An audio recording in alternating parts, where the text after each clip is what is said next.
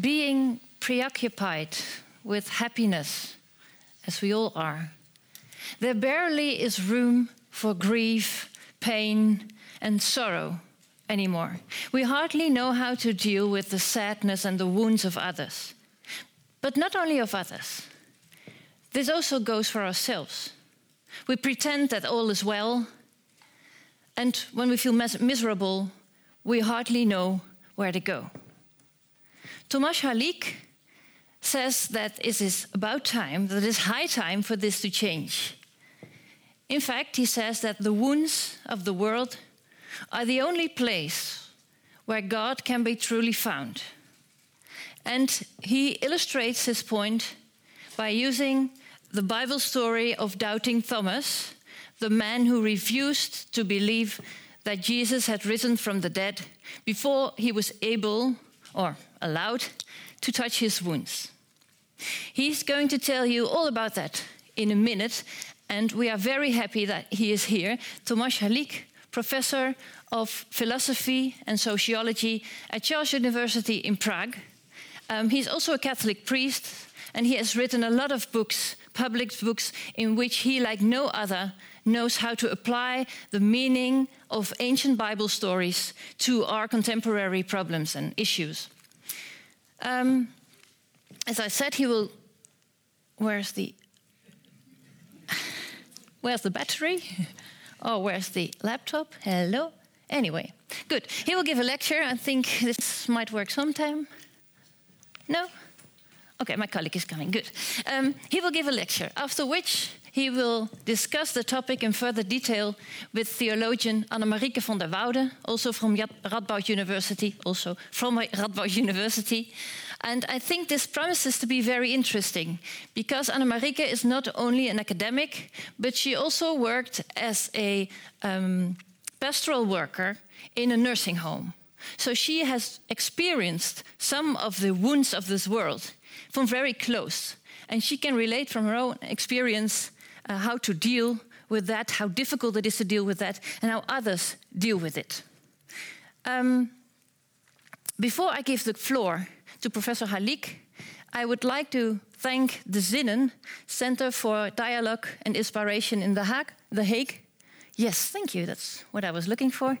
Um, for organizing this event with us. My name is Lisbeth Jansen. I work as a program manager for Radboud Reflects, and I will also chair the discussion. And of course, there will be ample time for your own questions. Thank you for coming. You're very welcome, and I wish you an inspiring evening. Professor Halik, the floor is yours.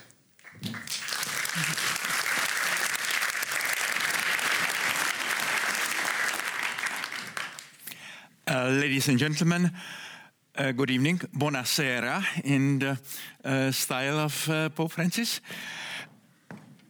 There are still differences between Christians, but today the main differences are not divisions between churches and denominations, but across the boundaries of the churches. There are still disparities between religious and non religious people but the major differences go across and question the validity of a simple division into theists and atheists. Rapid and radical changes in our world also affect the era of religion, despite the self fulfilling prophecy of secularism. Religion did not disappear from our world but has changed and is changing further. The opposite of faith is not atheism, but idolatry. Idolatry is a dangerous absolutization of relative values. Our world needs cooperation between religious and non religious people in the struggle against idolatry. The powerful wave of populism and nationalism in our world is a kind of dangerous idolatry. According to Pope Francis, the church is to be a field hospital in today's world. The Pope showed great courage to speak openly and publicly about the dark facts and tragic events in the church itself. I mean, for example, the summit uh, in Vatican uh, 10 days ago. And he also mentioned uh, some of the roots and deeper causes of such events. To expect that the three day summit of bishops brings the immediate solution would be complete naive. After three day congress of oncologists, cancer cannot disappear from the world. It is necessary to think globally, but to act locally. Practical solutions need to be followed at a local level in a very, very different uh, conditions. So there are uh, very different conditions in Austria. There were already 20 years dealing with the problem of abuse, and uh, something quite different is in Africa when some bishops are not able to say, oh, it is also the problem of our countries. However, uh, something essential has already happened. The church is shaken. She is shaken by the wounds caused by some of her representatives. This world needs wounded healers. This world needs, if I can borrow the expression of my teacher, Czech philosopher Jan Patočka, the solidarity of the shaken. For the Catholic Church, this is a time of great opportunity. Opportunity for a new reformation. When the church goes in the way of humility, kenosis, self humiliation, self emptying, and metanoia, this crisis can cleanse and transform the church into a field hospital, into a healer who, through his wounds, understands the wounds and diseases of our world. Our world needs doctors without borders. In a field hospital, religious and non religious people, Christian humanists and secular humanists must work together. But the powerful medicine of this field hospital is faith. Faith, not as a set of religious beliefs, but as a life orientation, as a basic trust the opposite of fear.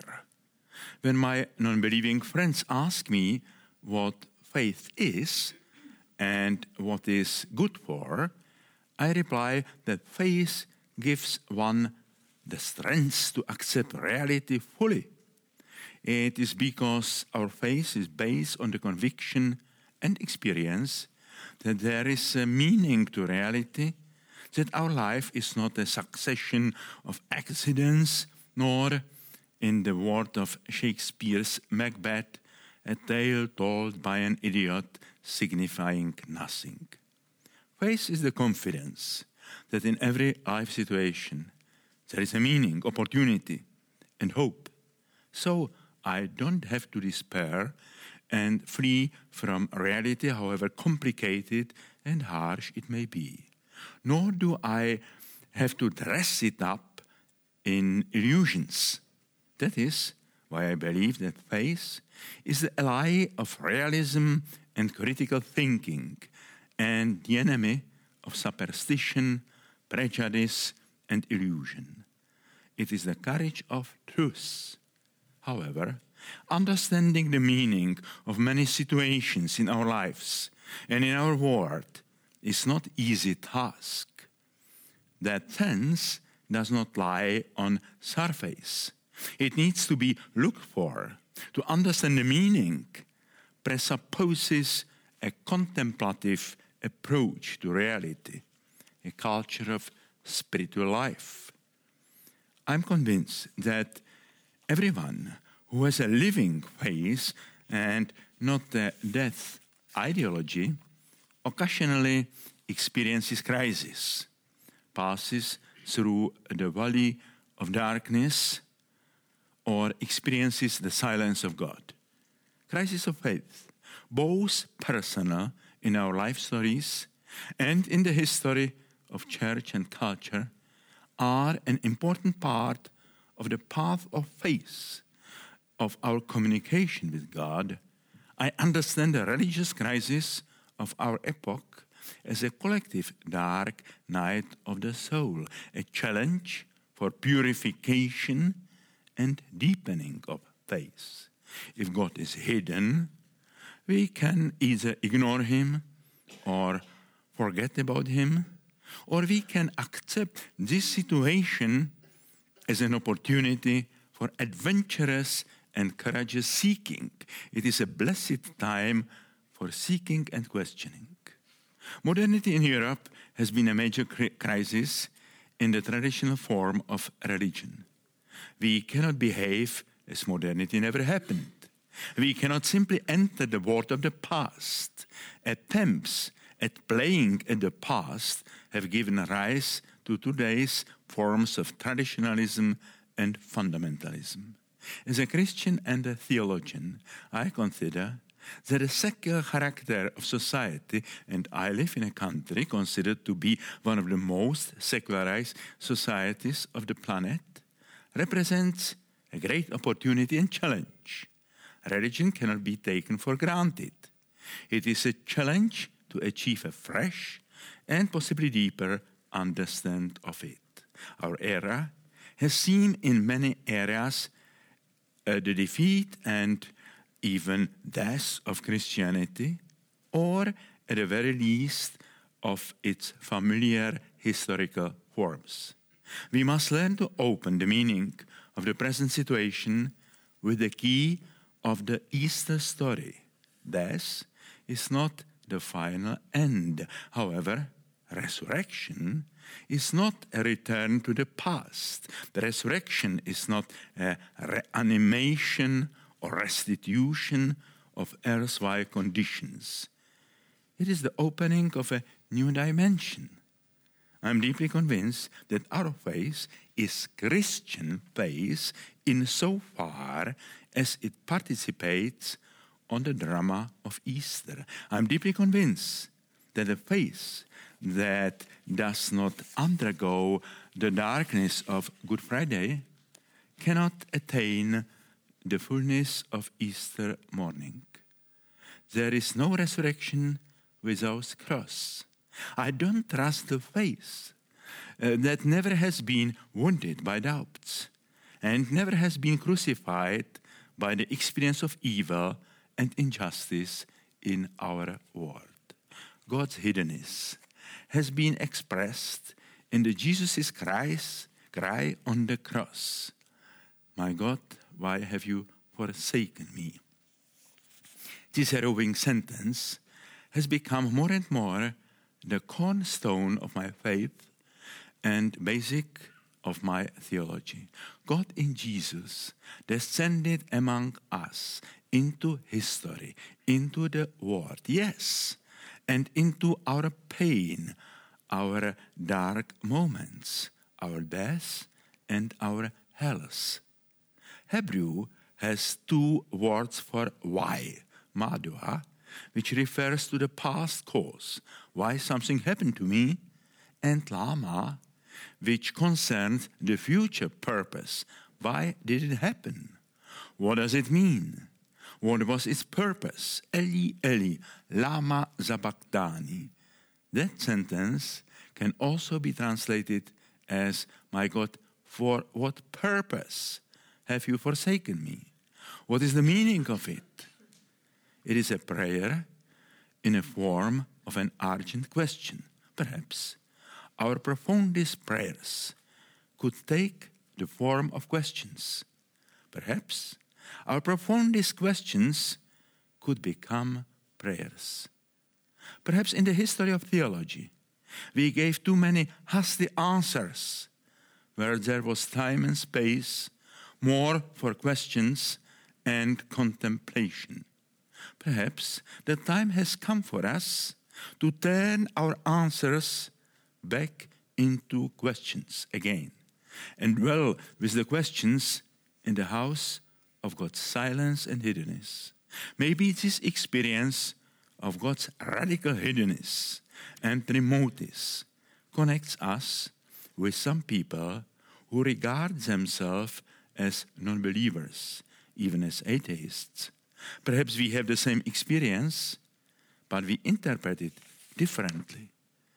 I say to atheists of certain type, not that they are wrong, but they do not have perhaps patience when they interpret too quickly God's silence as a proof of death or non existence of God. But equally impatient are those religious enthusiasts who drown out God's silence with the urgent hallelujah, hallelujah, or the religious traditionalists who do not hear God's silence because they go on repeating non stop the phrases they have learned. Mature faith is capable of waiting patiently. Its waiting is not idle passivity, however, but it's expression of hope in what we cannot see, and in particular, an expression of trust and love, because the major love, as we know from the great hymn of St. Paul, is patient and bears all things. In the gospel stories, God does not respond immediately to Jesus' question. In fact, he replies beyond the gates of death, in a place to which our experience and imagination cannot enter. His response is when God is returned to the game, to the lives of people, to history. But he returns transformed beyond recognition.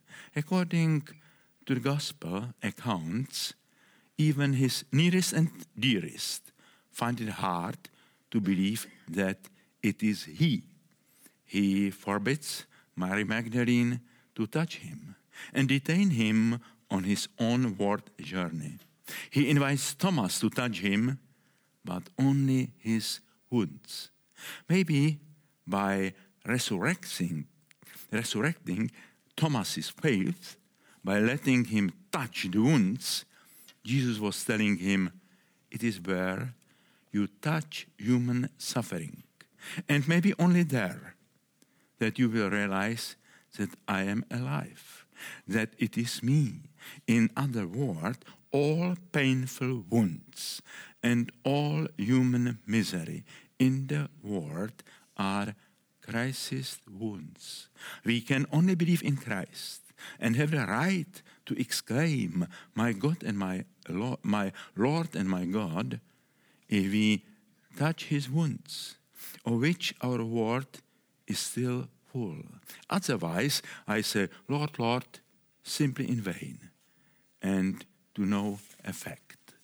So the resurrection is not a happy end, by, but an invitation and a challenge. Let us not be afraid to believe in love, even where it is looser by the standards of our world. Let us have courage to take our chances with the folly of the cross in the face of the wisdom of this world. The gospel talk about the transformed Jesus who comes in the form of an unknown stranger and for a long time keeps his disciples in uncertainty. Maybe it's exactly the time we live in. If Christianity wants to return to the game after the death of God, after the death of God of all metaphysical theism, and after the collapse of dogmatic atheism as well, then it must be transformed. In the postmodern, post religious, and post secular times, Christianity also must prove its resurrection by its wounds. It is said of St. Martin that a Satan, devil, himself appeared him in the guise of Christ. The saint was not deceived, however. Where are your wounds? he asked. I do not believe in faith without wounds. Christ is healing through us, uh, healing us through his wounds. As a Christian theologian, I cannot see salvation in a mere return to some of the historical form of Christianity, to the good old time religion, but instead in a realization that Christianity is a religion of paradox. When I'm weak, then I'm strong, St. Paul wrote. If Christianity manages to find an opportunity in its present weakness, it will prove capable of helping people not to let up in their search for an answer to the question about the meaning of life. It would be reprehensible neglect if Christianity failed to use for its own benefit the fact that during the modern era it was subject more than any other religion to the purgative flames of atheist criticism. In the spirit of Paul the, the Apostle, we ought not ask for the body of Christianity to be freed from the thorn of atheism. Instead, the thorn should constantly awaken our peace from the sleepy tranquility of false certainties so that we rely more on the power of grace that demonstrates itself most in our weakness. I'm deeply convinced that the opposite of Christian faith and the greatest enemy is not atheism but idolatry. We cannot regard atheism as rejection of God. It is often rejection of theism, human notions of God. Some human notions of God are not only naive, they are actually destructive, having more in common with idolatry than with the faith of the biblical prophets and the teaching of Jesus of Nazareth. A certain kind of atheism can help Christians rid their faith of idolatry, and it can be an ally of faith in the spiritual battle against idolatry in our days. One example of idolatry is the substitution of monotheism and adoration of money for monotheism. I also believe that there are some fervent atheists who are closer to God than conformist and spiritual lazy members of the church. Bible readers are well aware that God loves those who wrestle with him, such as Jacob or Job. I regard a certain type of atheism, the atheism of protesting hearts, wounded by pain and injustice in our world, as a mystic participation in the paschal drama and in the mystery of the cross. I'm profoundly convinced that this kind of atheism, the atheism of pain and protest, must be embraced by Christian faith, not rejected. Again, a faith that is incapable of taking seriously and integrating the Good Friday experience can scarcely comprehend the mystery of Easter morning. However, in the dialogue with the atheism of pain, we Christians must be very sensitive and have profound respect for others people need to preserve their own identity and self understanding. We must have respect for their otherness. According to Emmanuel Levinas, real love comprises respect for the otherness of others and does not try rashly to convert others into the same. There are so many sorts of faith as there are believers. And there are as many kinds of non belief and atheism as there are non believers. In our time, the number of believers without doubts is diminishing, and dogmatic atheism is also on the wane.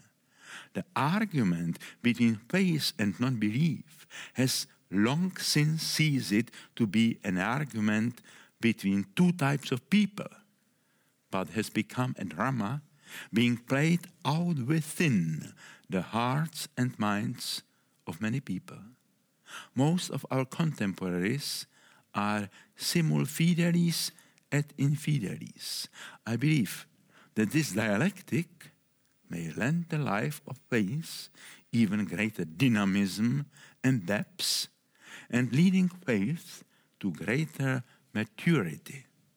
I see faith and doubt as two sisters who need each other. Faith, without critical questions, can turn into proud and stupid fundamentalism and dangerous fanaticism. On the other hand, when doubters are not capable of having doubts about their doubts, it can lead to bitter cynicism or pragmatism. Such doubts leave no scope for the hermeneutics of trust and hope. In my book, Patience with God, I expressed the view that the three divine virtues, faith, hope, and love, are three ways of conforming our patience in the face of God's hiddenness and God's silence.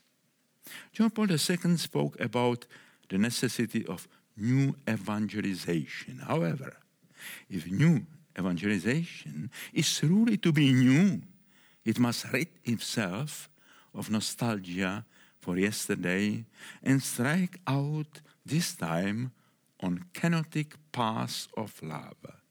Instead of the conversion of pagans, a new evangelization should start by the conversion of Christians, a turning away from the outward to the inward, from the letter to the spirit, from the static to the dynamic, from being a Christian to becoming a Christian.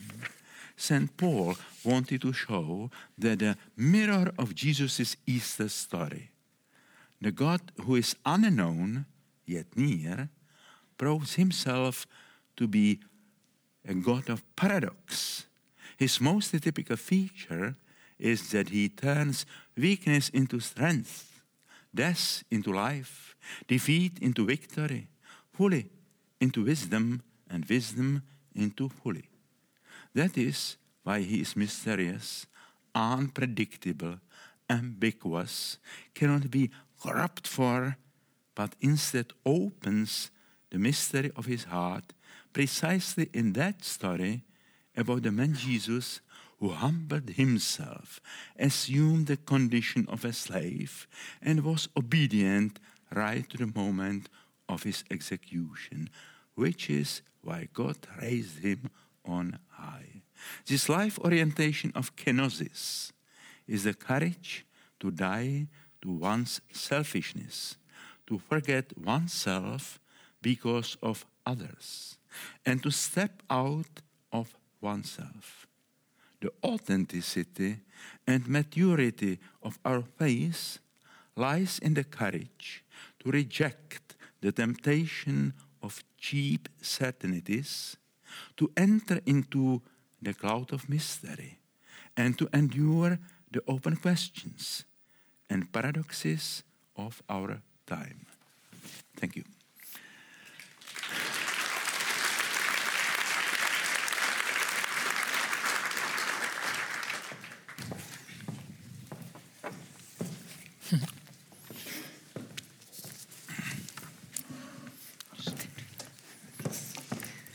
Thank you so much, Professor Halik, for sharing your wisdom with us.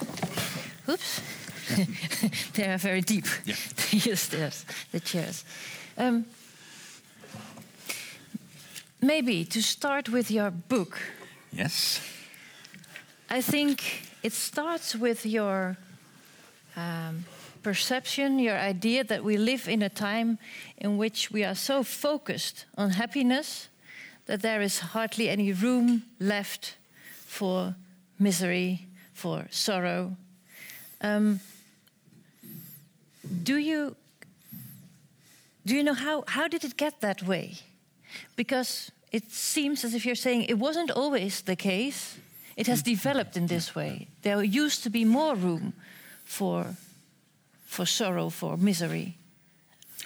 Uh, maybe at the beginning of modernity, uh, man, the human being, was so proud and so fascinated, uh, fascinated with his own power, supported by science and technology. And, and there was this typical uh belief in progress and uh, uh, modern optimism. In our country, people say that optimist is a human being who has lack of information.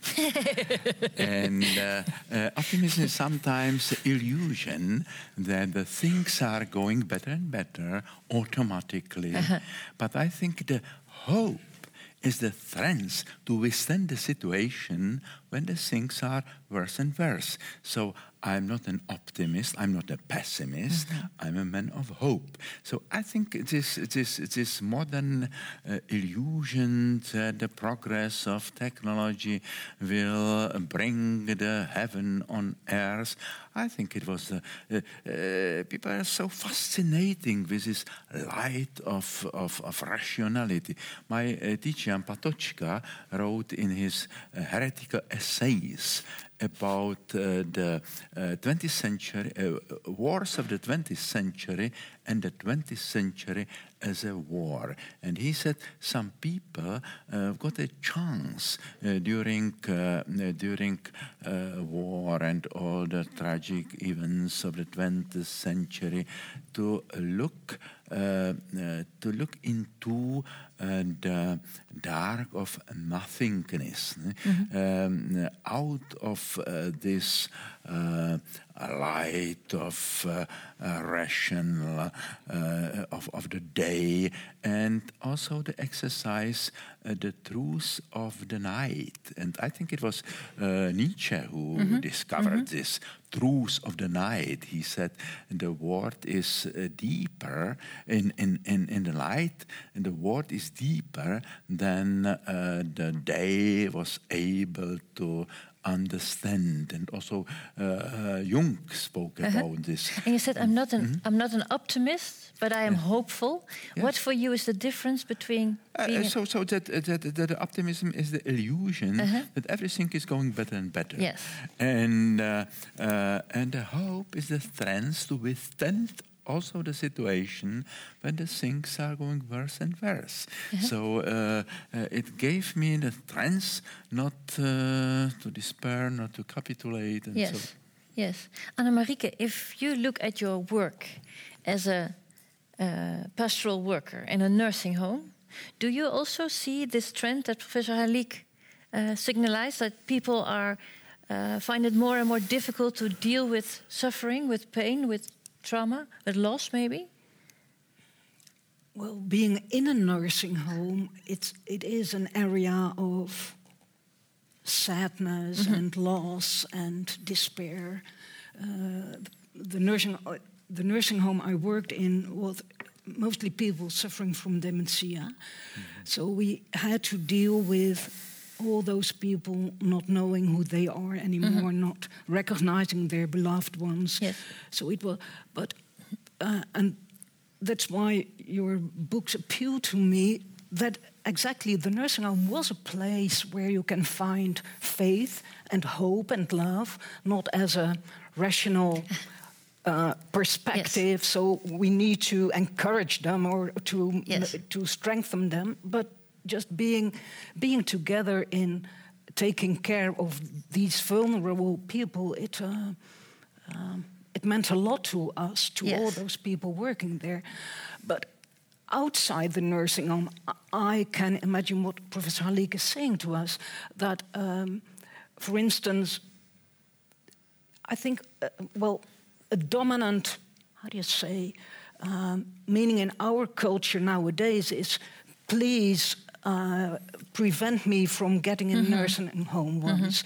So a lot of people uh, are very frightened to be there once. Yes. So in our healthy culture, I think it's a dominant uh, strain, not uh, being wanting to be healthy and happy and not to feel Be vulnerable. not being vulnerable. Yeah. And the people who come to visit the patients in the nursery, do you notice that they find it difficult to deal with this declining health of their mothers, grandmothers, Yeah, fathers? sure. Yeah, sure. It's it's really Yes. a tough task Yes. to enter that home and to see your own father or mother not being the one they were Mm-hmm. once. And well, the the roles are getting uh, put upside down.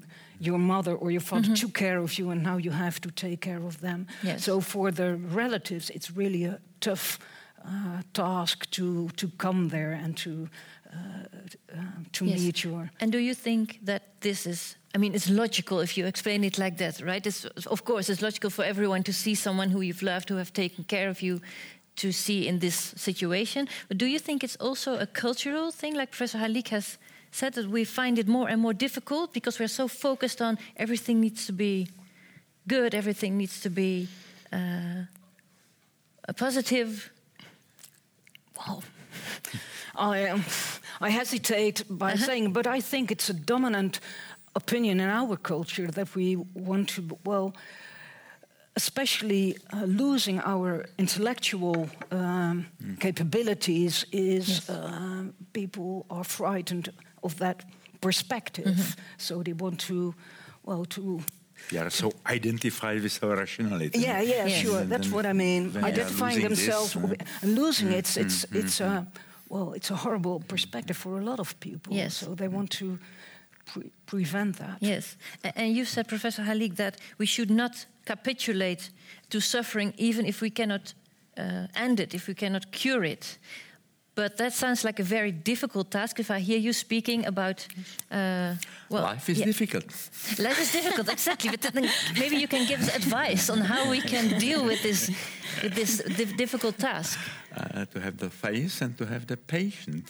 Uh, uh, you know, I, I think uh, on the other hand, we are confronted today with many sorrow and tragic events, but especially uh, through the uh, through the TV or, or through the social media. So uh, we never have seen so many tragedies or the, uh, the the previous generation. Uh, We are confronted every day Yes. with them, but they are too much. there are too many, so that we are not capable uh, to accept it with our emotions. So uh, we are looking at this film, it is going. Um, one uh, by another, Yes. and we are not capable to, to put in uh, our heart. So i- i- it um, um, it leads us to, to certain cynicism and to look at uh, it's a film, eh?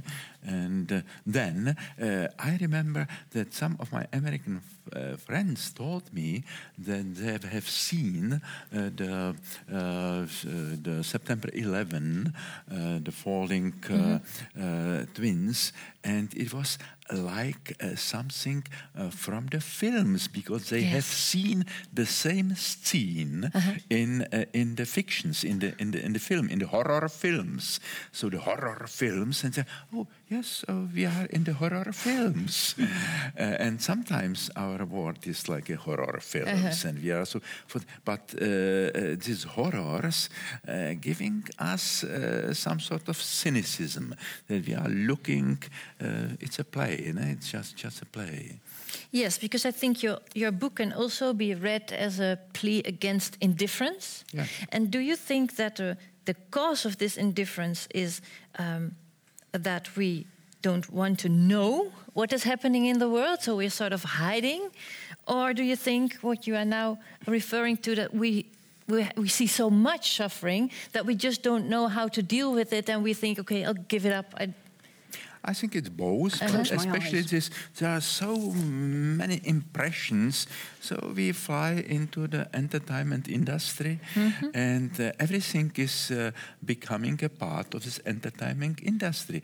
When we see the discussions of the politicians, it became the part of the entertainment industry, and um, and also some sort of, of, of religion. When I'm looking at some the televangelists in in in the United States, uh, at the beginning, I, I I I was quite certain it's just uh, just a caricature. It's just uh, uh, just some. Uh, it's entertainment. it was real. It was and the people they they really wanted to convert us through this way uh, of the very uh, very humorous and, and simple. Simple. So, do you mean the way it is presented to us Yeah, yeah, is yeah. entertainment, has become entertainment, or the way we perceive it? We just look at it as if it's entertainment and nothing real. Um, uh, it's connected. Huh? Of course, but what is it? In Dutch we would say, what is the chicken and what is the egg? so what is the yeah. cause and what is the... you mean there's, it's, the one causes Yeah, the yeah, other? yeah. Yes. Do you, do you want to comment? Well, I, I, I do have a question. Uh-huh. How can we escape this? How do you say loop? Vicious circle, Uh, yeah, this yeah. circle by by not feeling our own wounds or the wounds of our Mm-hmm. beloved ones or what we see on television.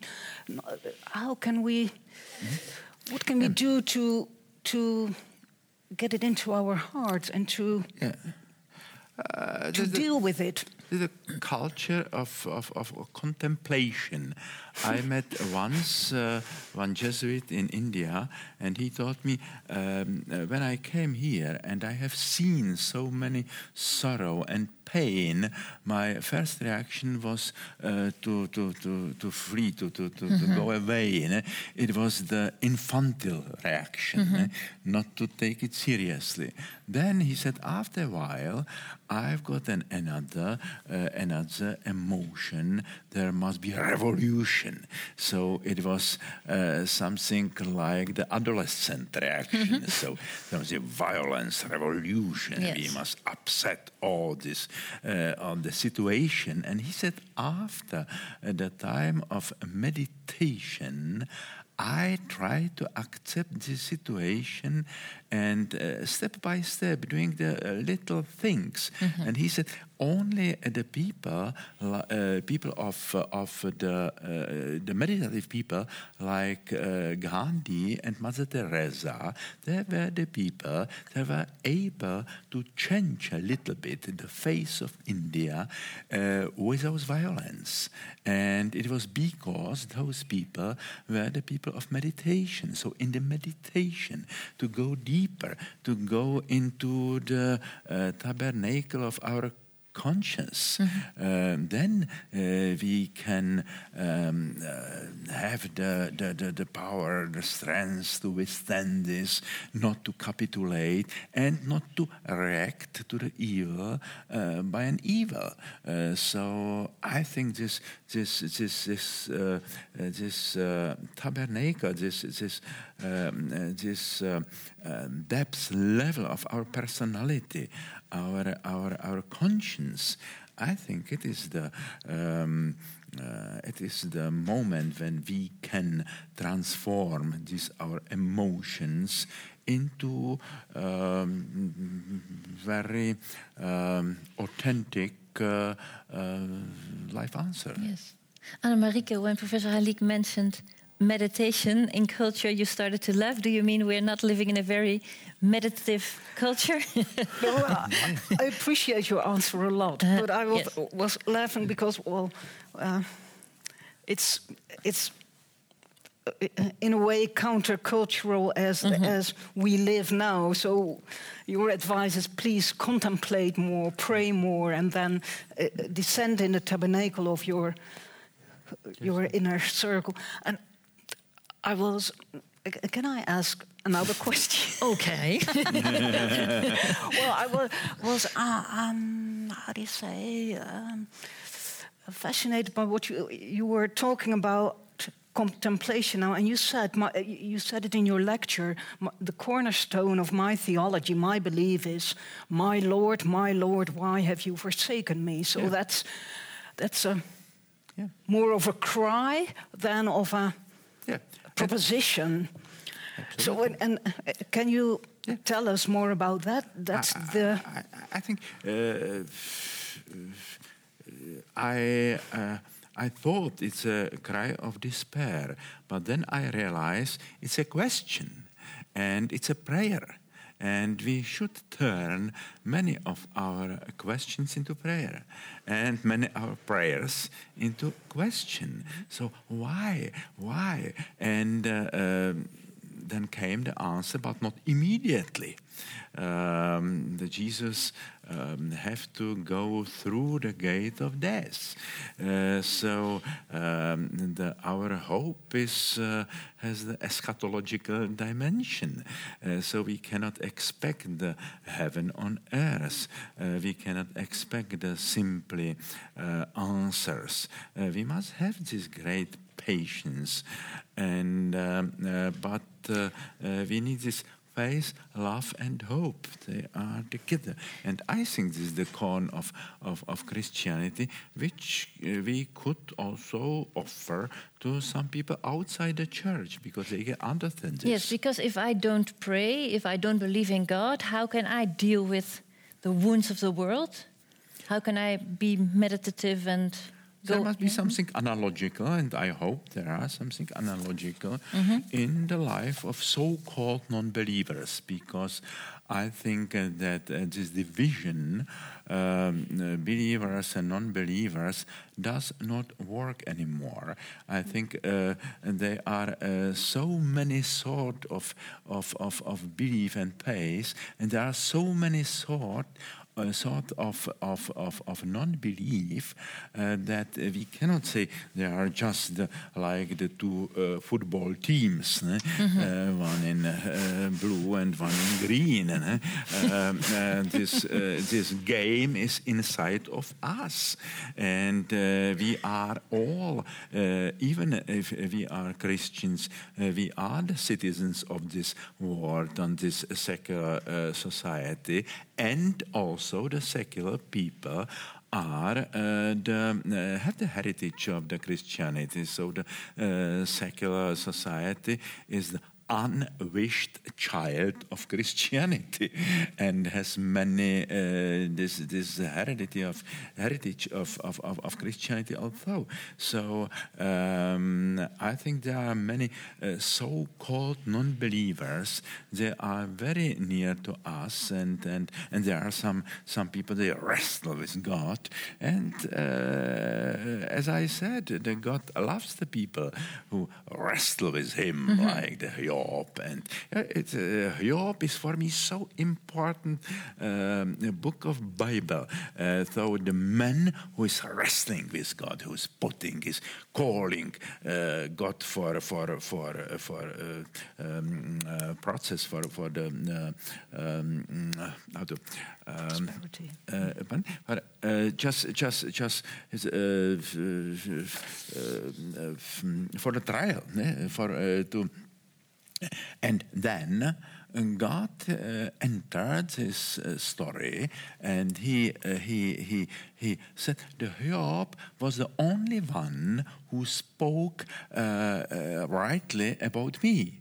Uh, the, uh, the Job was wrestling with him, and there were some uh, pious advo- ad- advocates of God. They were the friends of Job, and uh, God said, "Oh." I will for- forgive you if my uh, servant Job will pray for you. So um, uh, it's uh, it's always a surprise, and I think our God is God of surprise.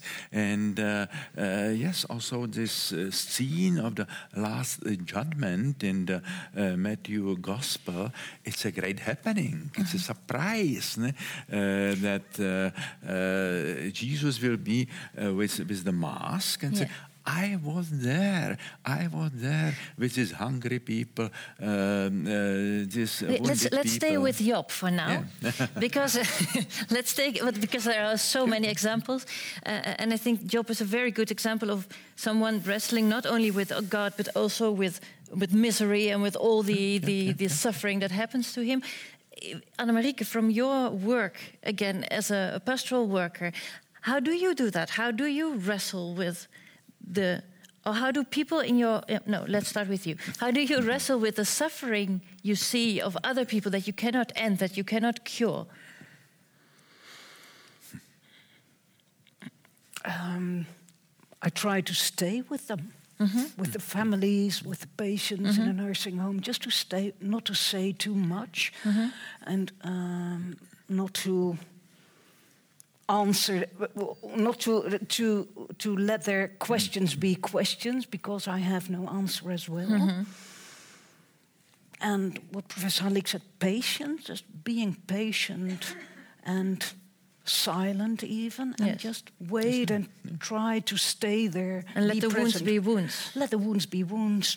yes Yeah. To be near. Ne?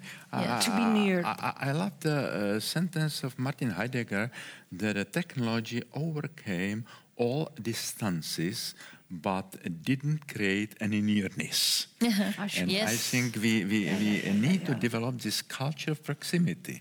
yes mm-hmm. so we have a lot of friends on facebook and we can chat Yeah, with anyone yeah. anywhere in the world Yeah, but yeah, there's no yeah, no proximity. yes mm. Okay. would you agree Yeah, sure. Yeah? Yeah, yeah. So maybe these nursing homes are one of the last places where people are really, well, literally and metaphorically speaking. Do you think it's a special place, a nursing home, Yeah, in sure. that way? Yes. Yeah, yeah sure. Uh-huh. Um, I think my whatever my faith was before I came working there is deepened in a nursing home. Yeah? Yeah, sure. Why? Or how? Maybe by by well, seeing the wounds and vulnerability of these old men and women does something with with my own uh, faith and, and existence. Yes. And I remember at the at the end, Professor Halik, at the end of your book, you you talk about the language of mm-hmm. touching. Touching, yeah. Touching. Mm-hmm. Well, that's mm-hmm. that's the language you speak in a nursing home. Yes. Because people cannot speak for themselves anymore, or they cannot be understood. But just Being with touching them, them, touching being them. with them. Yes. It's Yes. um, yeah. And when we were speaking about tonight last week, um, you also said that we live in a culture where we have enough money not to be confronted with a lot of yeah. suffering because we, oops, well, we, we older people go to nursing homes and sick people go to hospitals and in all kind of ways um, there is we don't face misery anymore. Yeah. Yeah. Yeah. Would you would you agree on that? Uh, of course, yeah. So, do you also think that our economic well being has contributed to our indifference? Um, certainly, certainly, but uh, um, you know, it's uh, um, the richness is always a risk. Yeah, that's a beautiful sentence. and uh, power is also a risk. So um, mm, we uh, uh, we should uh, deal with uh, uh, the richness and with the power, but uh, with certain asceticism. So uh, there are the relative values, and we shouldn't to absolutize this. eh? Absolutization of the relative values is the idolatry. And, Can you give uh, an example of that? so uh, the the uh, money and and the richness could be an instrument to uh, to do good things, ne? To do, and and or uh, it could be just uh, for myself and for my property, and uh, and it is the same as the power. The Yes. powerful, uh, powerful people can use the power both to ways. help the powerless, Yes. uh, or they can do for uh, their own narcissism and egoism and so on. So And what makes people choose for either path A or path B? it's a question of character and the quality of of, of, of our life. Uh-huh. And so, Yes, because we also spoke about are people's what do we need to choose the, the path A, as those who say, okay, I'm, com- do we need to be confronted with suffering before we can actually choose to say, okay, I'm going to work on that, or this is more important for me than, um, I don't know, watching television and having a nice evening uh, with friends at the bar. Well, that's not a good example because that's important too, but you, you know what I mean. Yeah, or, or your question is, what do we need to not be indifferent? Yes, how do we get to that Yeah. point? You, and you can't press people to um, to look to misery or suffering. Mm-hmm. So it's a it's a question that hardly can be answered. You can't press people to. Mm-hmm. So it's a question of, of sensitivity. ne? Somebody is sensitive uh, uh, when he's looking at the film and he's touched Yes. by this. Yes. And other people must be confronted very bodily. and uh, so there are many, many ways how we are answered uh, and called. Uh, and yes, the confrontation with the evil, uh, it's the opportunity uh, to be more sensitive, to be touched, to be wounded by this. Yes. Well, maybe I have a, a part of an answer. um, well, it's an, well, all people uh, experience suffering or sickness, or uh, somebody they love is going to die. So maybe a small part of the solution is just talking about it and sharing these experiences with one another because uh, especially in social media we present ourselves Yes. as being positive and all goes well but that's never the whole story Uh-huh. so that mar- might be part of a solution just to lay down your mask and, and On Facebook? no Would it work? I don't know Would it work? Do you think? No, I don't think so. No. Well, uh, don't ask me because I'm not on Facebook. but uh, I think face-to-face contact is. um um Maybe Quality through the real art, you know. Some, sometimes uh, the real art is also the medium of sharing the experience Yeah, of the sure. others. huh? yeah, sure. Can you elaborate on that? How do you mean? Uh, so there is some some some great novel uh, which uh, uh, which allowed us to to to share the experience of the other people yes. or the films. Yes, and I must when, now when, when you mention this, I think of the introduction of your book, in which you describe how the story of Doubting Thomas got a very different uh, meaning for you. Yeah. Um, uh, usually, it's being said as as, as being told as okay, Thomas was the last man who uh, who, who wanted or who, who uh, felt inclined to believe. He first needed to be uh, he, he wanted proof, um, but you said no, it can be read in a very different way too. yeah, yeah. How did you get from yeah. here to there? What happened? Yes. Uh, uh, so I, I- I visited in the um, the place in India. Uh, it's according the legend is the place of martyrdom of the Apostle Thomas, and I uh, I was celebrating the mass in the morning in the cathedral, and then I read this gospel about the uh, Apostle Thomas touching the wounds, Yes. and uh, at the, uh, in the afternoon, I visited the place of the martyrdom, and there is the orphanage, uh, and uh, I saw the suffering of the poor, thick children, and it was terrible. And I, um, I uh, recall in mind the sentence of Dostoevsky of the Ivan Karamazov. Uh, so I will return God the uh, the ticket, entrance ticket to the world in which the children suffer. And then I realized, oh yes, they are the wounds of Christ today. and uh, when I uh, when I'm uh, when I don't want to see this, uh, when I will uh, ignore uh, this uh, wound of Christ. Yes, you said you're right. You wanted to run away uh, when you yes, saw those yeah, children. Yeah, yes, it's a great it's a great temptation yes. not to see this uh-huh. -huh. because it's it's really touching and and and then I realize oh yes, but when I when I fly from this and when I will uh, ignore this, mm-hmm. I will ignore this uh, wounds of Christ, and I wouldn't have the right to say with the Thomas, "My Lord and my God."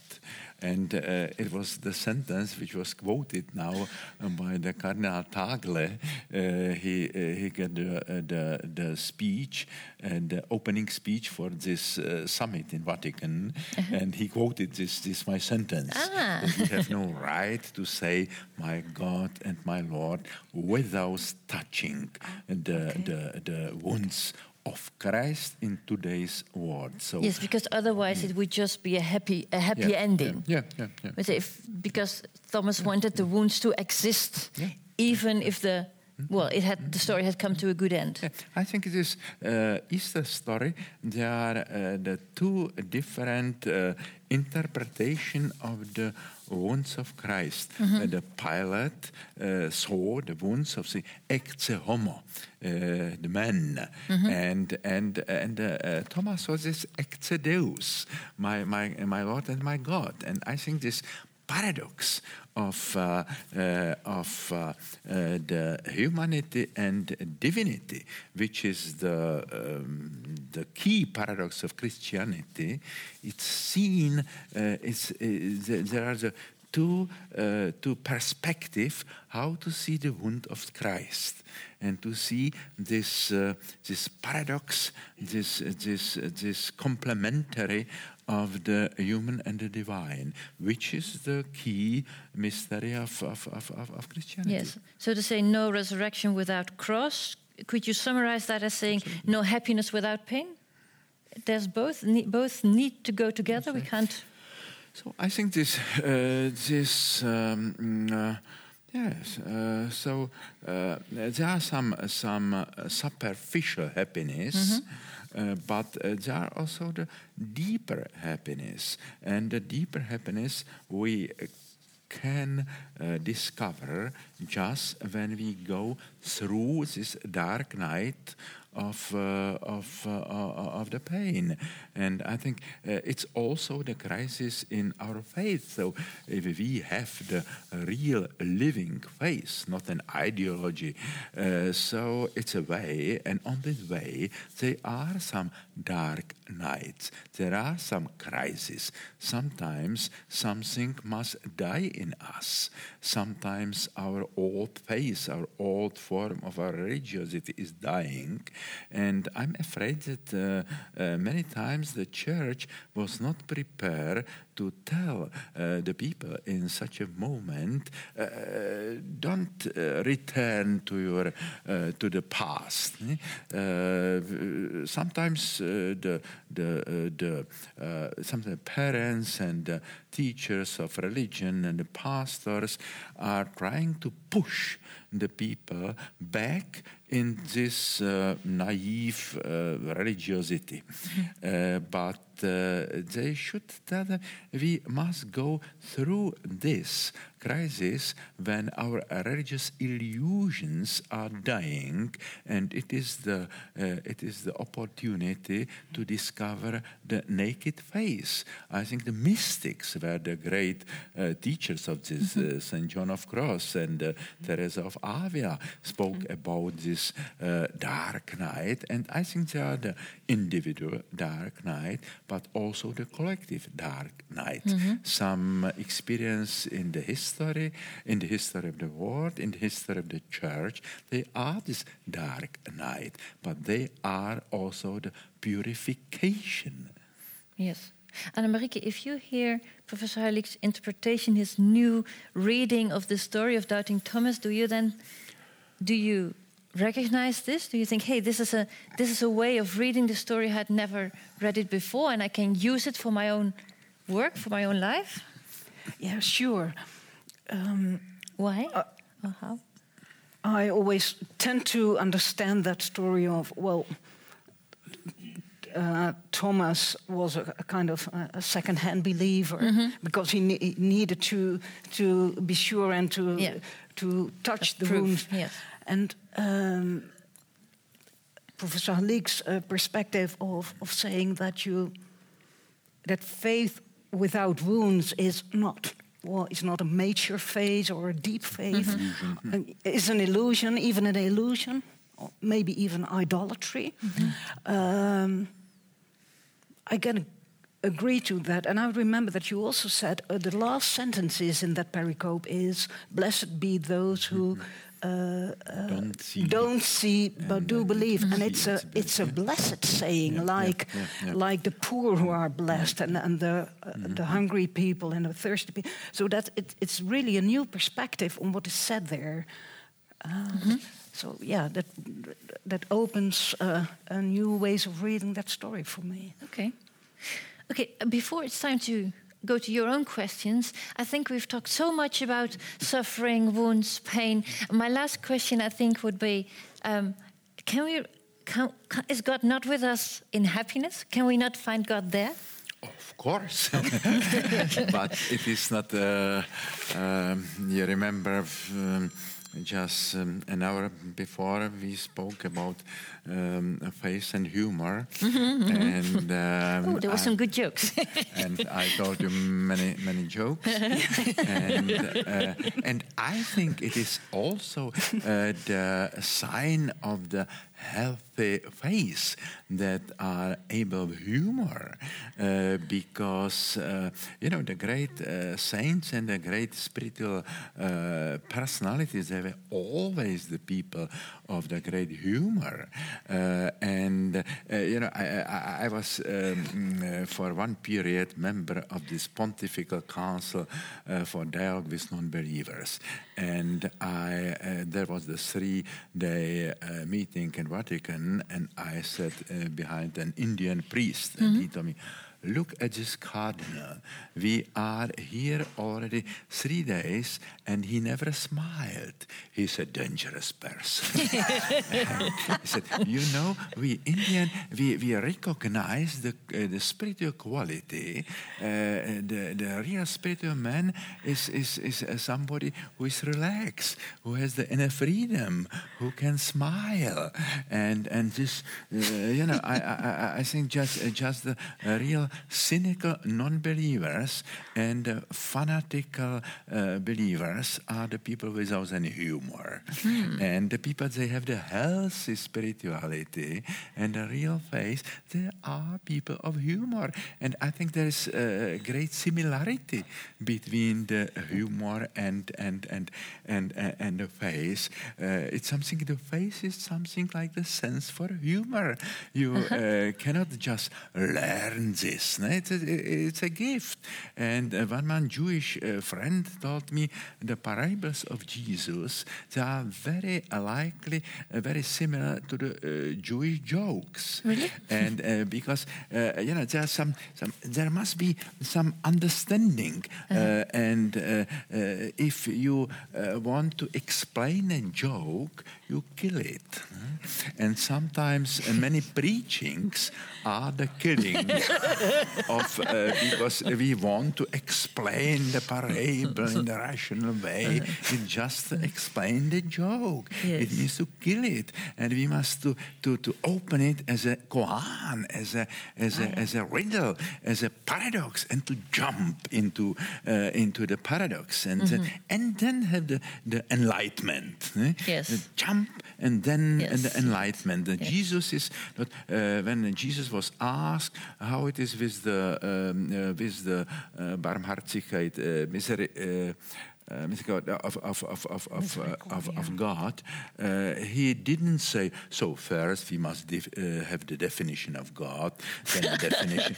he just told a story. Yeah. One, one lady found the lost money and invite, uh, invite neighbors and said, girls, we must celebrate it. I found the money.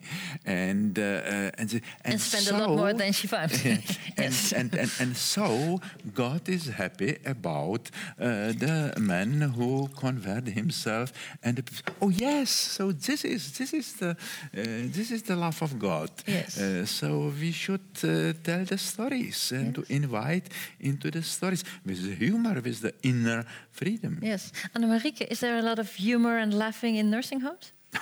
Yeah sure. Yeah? Yeah yeah there is. Yeah. It's it's a people always regard it as a, a sad place, but uh -huh. it's not. There's a lot of humor, a lot of lo love, and um, yeah.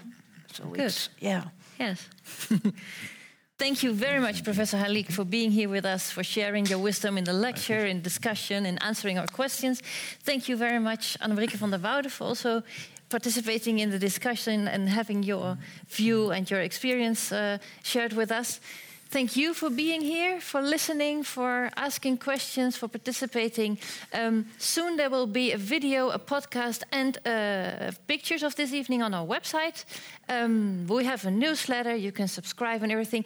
And maybe the best news is that Professor Halik has promised to uh, go outside and, and, and, sign your books. If you if the books that are, uh, there will be a small book table, and he will be there for a short time to sign your books if you like. So Thank you. Thanks again. Um,